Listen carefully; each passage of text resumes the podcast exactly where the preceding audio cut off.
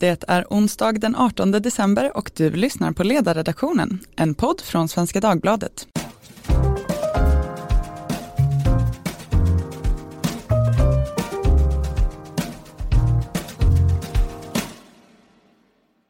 Jag heter Katarina Kärkinen och kommer att leda detta årets sista avsnitt av podden och med det en liten årskrönika. Innan vi sätter igång ska jag passa på att tipsa om vårt julerbjudande. Just nu så kan du få SvD Digital kostnadsfritt i två månader. Om du lyssnar på podden och gillar den så kommer du antagligen att tycka om resten av vårt innehåll också. Så gå in på svd.se jul. Med det sagt så ska vi nu försöka summera det gångna året och också rikta blicken lite mot det som komma skall.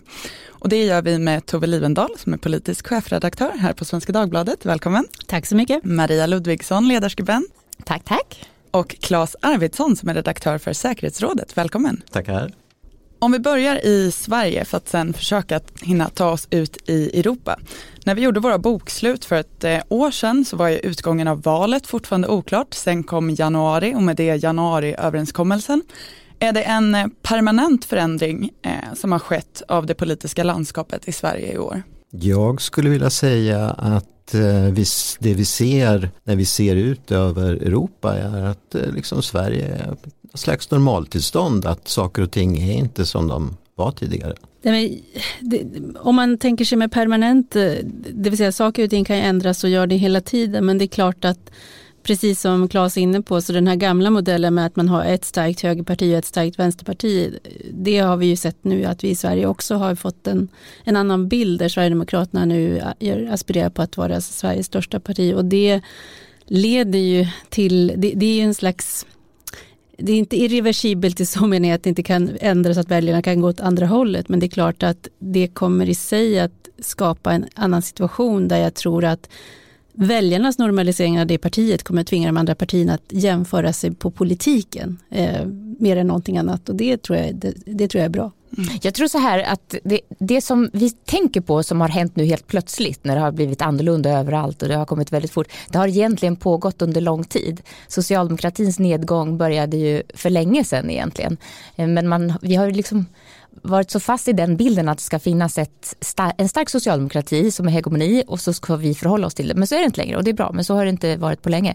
Vad man också kan säga är ju, det är inte säkert att det är så mycket som har ändrats för verkligheten finns fortfarande och verkligheten är mycket mer än partier och då tänker jag på den idéburna verkligheten där höger och vänster fortfarande är. Det är fortfarande skillnad och det är där skiljelinjen går. Och då är tilltron till politiken eller till marknaden eller till civilsamhället det som skiljer åt. Men det ser lite annorlunda ut nu i grupperingar. Mm. Alltså jag tror man kan sammanfatta det hela med att säga att det är mycket mera hej och hå i politiken nu för tiden. Inte bara i Sverige utan mm. hela Europa. Jag tänkte att du skulle prata lite om eh, verkligheten och eh, läget i landet. För att några av våra mest lästa texter under det här året har ju behandlat ganska tunga ämnen. Jag tänker på den texten som du skrev Tove om eh, Filip i Uppsala men också många av de texter som vi har skrivit, som vi har fått skriva under året som har känts som texter som redan mångfalt har skrivits, det vill säga de som behandlar ja, men de skjutningar och den ganska grova kriminalitet som har drabbat landet det här senaste året. Ser det lite mörkt ut just nu? Hur hamnade vi här? Ja men det, det får man säga, det är ett allvarligt läge och det handlar inte bara om den mörka årstiden och bristen på snö utan det är ju eh, på så många håll så är det eftersatt och det är också i likhet med den politiska utvecklingen en lång, långvarig utveckling som har kommit till att vi är en punkt idag när vi inte upplever att det finns kontroll och att de, eh, de riktigt eh, djupa kriminella nätverken inte går att trycka tillbaka. Häromdagen så larmade kommunalrådet Erik Pelling i Uppsala och sa vi behöver hjälp, vi klarar inte av situationen. Och det, vi, vi besökte rikspolischefen som häromveckan som talade om att en fem tio år bör man nog ha som utsiktspunkt bara för att bryta utvecklingen. Och det innebär ju inte att man är någon annanstans om fem tio år utan att man kanske bara hejdar det som vi just nu ser går åt väldigt fel håll. Så det är mörkt, jag tror inte man på något sätt ska försöka förminska det faktumet. Eh, och hur vi nu hanterar det, hur det hanteras politiskt under det kommande året är otroligt avgörande därför att varje dag som personer också hamnar i, i skottgluggen, rent bokstavligen också ibland, eh, för detta så händer det någonting med tilliten till hela samhällsgemenskapen som vi är i ett allvarligt mm. läge. Mm. Alltså som utlandssvensk så känner jag mig allt oftare som, eh, vi vet den här Kurt Wallander, som alltid ställde frågan, vart är Sverige på väg? Men eh, när jag då funderar över det så gäller det inte enbart det som Tove tog upp utan överhuvudtaget en fundering över eh, liksom eroderingen av staten. Som också kom upp vad gäller det här samordningsnumren och välfärdsbidragsfusk och så vidare. Och så vidare. Och, eh, det problematiska är ju då att, eh, att det liksom är problem på så många olika sektorer som behöver lösas samtidigt. Jag tror också att mörkret består nog i institutionernas eh, förfall men inte heller det är nytt. Det som är nytt är väl att, att världen ser annorlunda ut. Efter krig och elände så är det mycket som rör på sig och mycket som händer och då upplever vi det som att helt plötsligt har Sverige förändrats. Men jag tror i grunden så var vi ganska dåligt skickade för det som kom av invandring och förändring. Vi är inte så bra på förändring och vi är inte bra på olika utfall och då är det institutionerna som måste anpassa sig efter förändring och inte förändringen som måste in i institutionerna. Där är vi dåliga, där ser det mörkt ut. Å andra sidan så är det ju det som många också påpekar eh, att det går ju i forskning vad gäller sjukdomsbekämpning, fattigdom så går ju allting generellt sett åt rätt håll. Och det ska man komma ihåg att det finns eh, ljus också. Och det mörka består snarare i den mänskliga oförmågan i att anpassa sig efter förändring. Mm. Om vi blickar utåt eh, Europa och världen lite grann. Inom den europeiska politiken så har det hänt mycket i år. Vi har fått ett nytt Europaparlament, en ny kommission har tillträtt och det är ganska stora frågor som de börjar försöka reda ut nu. Det handlar om migration, om handel, om säkerhet och om miljö. Vad tror vi om eh, deras möjligheter? Ser politiken i Europa ljusare ut än den hemma vid? Vad säger du Claes? Ja, det var en knepig fråga minsann. Eh, alltså man kan ju säga som så att, eh, att problemen eh, står på kö också vad gäller Europa och eh, också i Europa så ser vi liksom en eh, fragmenterad politisk miljö som i sin tur gör att det blir svårare att uh, hitta fram till lösningar. Och uh, det som väl då kanske är mest allvarligt och mest krävande är ju i någon mening att Europa ska liksom pröva att finna en ny plats i mm. världen. Mm. Och eh, ja, det kommer inte bli lätt. Ja, och det är en värld som är ganska eh, både ny och komplicerad där Ryssland har sina maktanspråk i Europa, Kina har stora anspråk i hela världen. Några av de mest spännande händelseförloppen sker väl runt om i Asien och samtidigt så har de transatlantiska relationerna mellan Europa och USA, de ser annorlunda ut mm. än vad vi är vana vid. Hur ska vi det, försöka och, förstå den här nya världsordningen? Och, och det, alltså det, som är så jobbigt för EU, det är liksom att EU måste börja tänka på sig själv mm. på ett mm. annat sätt än vad man har gjort. För att kunna liksom ta den här nya rollen och eh, bli liksom en spelare inom en rad områden. Och det kommer att bli ännu svårare i och med att man liksom inte är enig mm. inom unionen vad man ska göra.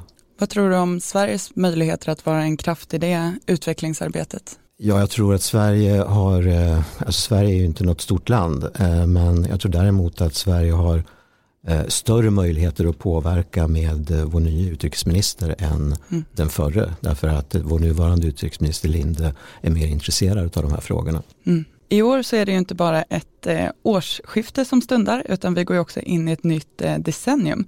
Vi ska nog inte ge oss på att sammanfatta hela decenniet i just det här forumet, men kan ni säga någonting som ni tycker har varit definierande för 2010-talet? Vad är er känsla när ni blickar tillbaka? Ja, det var också en liten fråga. Jag, jag åtminstone den senaste tiden funderat väldigt mycket på det här som vi talar väldigt mycket om, nämligen polariseringen. Eh, och den här ja, svårigheten att förstå varandra. Och, den, eh, och sen så har det ju, vi har ju hållit på och analyserat väldigt mycket. Det har skett stora politiska väljarrörelser under det här decenniet. Och vi har fått den här politiska utvecklingen som vi har sett. Vi har fått framväxten av partier som andra pekar på som väldigt populistiska av olika slag och olika schatteringar.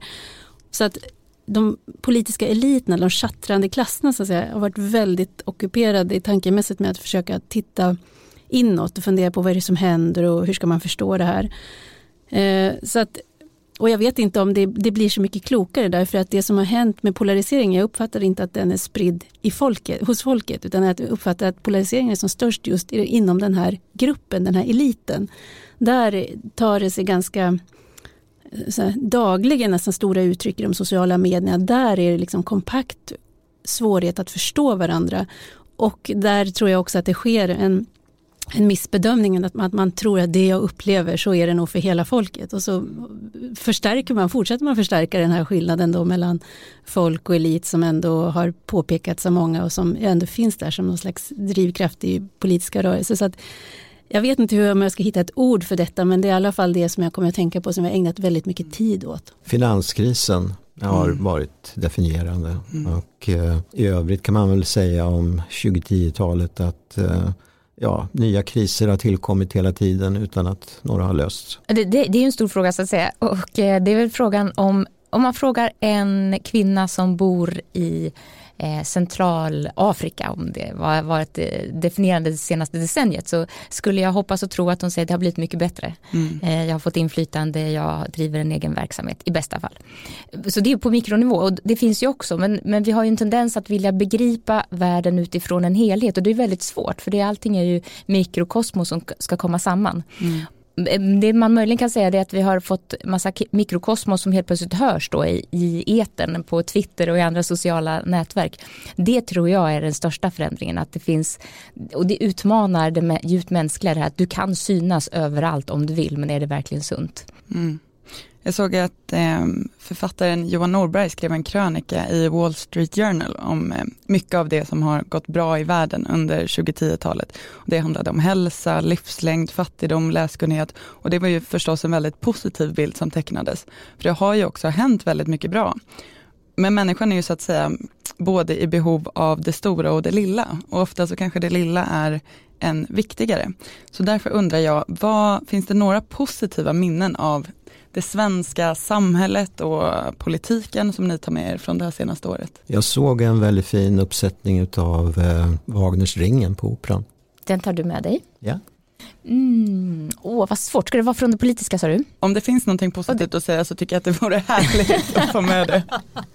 ja, det är klart att det finns massa positivt. Eh, eh, en sån sak är ju, alltså, återigen då, det blir på mikronivå, det är de som har tagit sig ur fattigdom. Det är någonting det här med att få inflytande över sitt, egen, eh, sitt eget liv. Eh, det är någonting positivt. då kan jag tänka på de som kommer hit för att eh, jobba en kortare tid och så eh, tjänar de ihop pengar.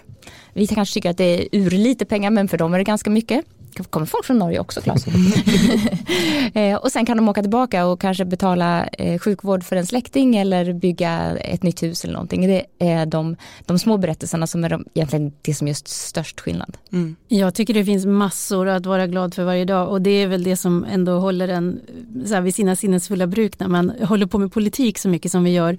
Men att ja, men, gå in i en affär, det kommer hitta många nya saker som inte fanns där tidigare. Någon smart företagare har kommit på något som man sett någonting som kunde göras innan någon annan, innan mm. det fanns så att säga.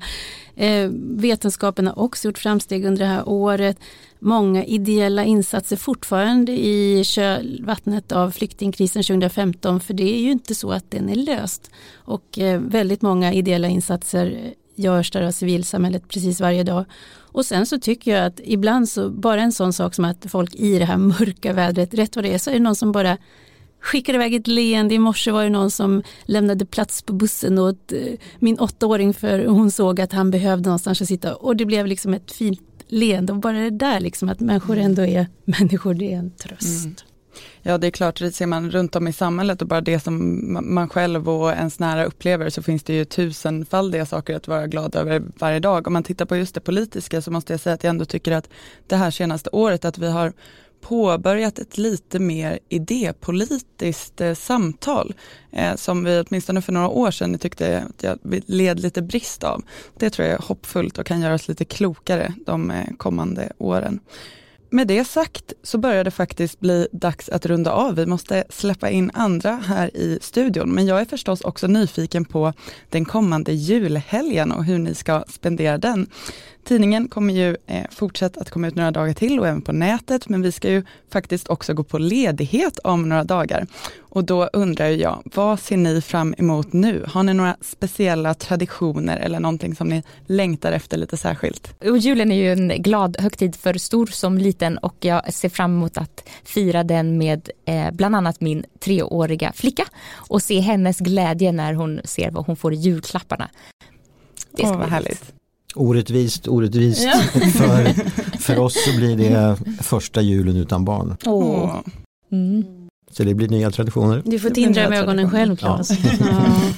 ja. men jag, jag kommer att bevinna mig i mitt andra hem på Gotland. Så det, blir, det brukar vara väldigt det är avfolkat och mörkt och tyst och, och, och blåsigt brukar det vara men det brukar vara mysigt. Men sen ser jag faktiskt fram emot att kanske få gå i, julotta i en liten kyrka och där brukar det vara så att de faktiskt tror på Gud och även om jag själv är agnostiker så mhm. tycker jag att det är deras USP så att jag brukar uppskatta eh, att få vara med med julottan när människorna där tror på Gud. Så det mm. ser jag fram emot. Ja, jag ser också fram emot ett och, ett och annat kyrkobesök blir det nog. Jag ser också mycket fram emot att åka hem till Aneby och hjälpa min mor att göra finsk kålrotslåda, vilket är en av våra traditioner och godare än vad det låter tror jag. Så bra. kanske också en sån där acquired taste som man tycker om just för att det är en egen liten tradition. Då har det faktiskt blivit dags att runda av. Vi är tillbaka med podden igen den 7 januari, men för idag får jag lov att tacka Tove Livendal, Maria Ludvigsson och Claes Arvidsson. Och från ledarredaktionens sida får vi lov att säga tack så mycket för den här terminen och så småningom god julhelg och gott nytt år.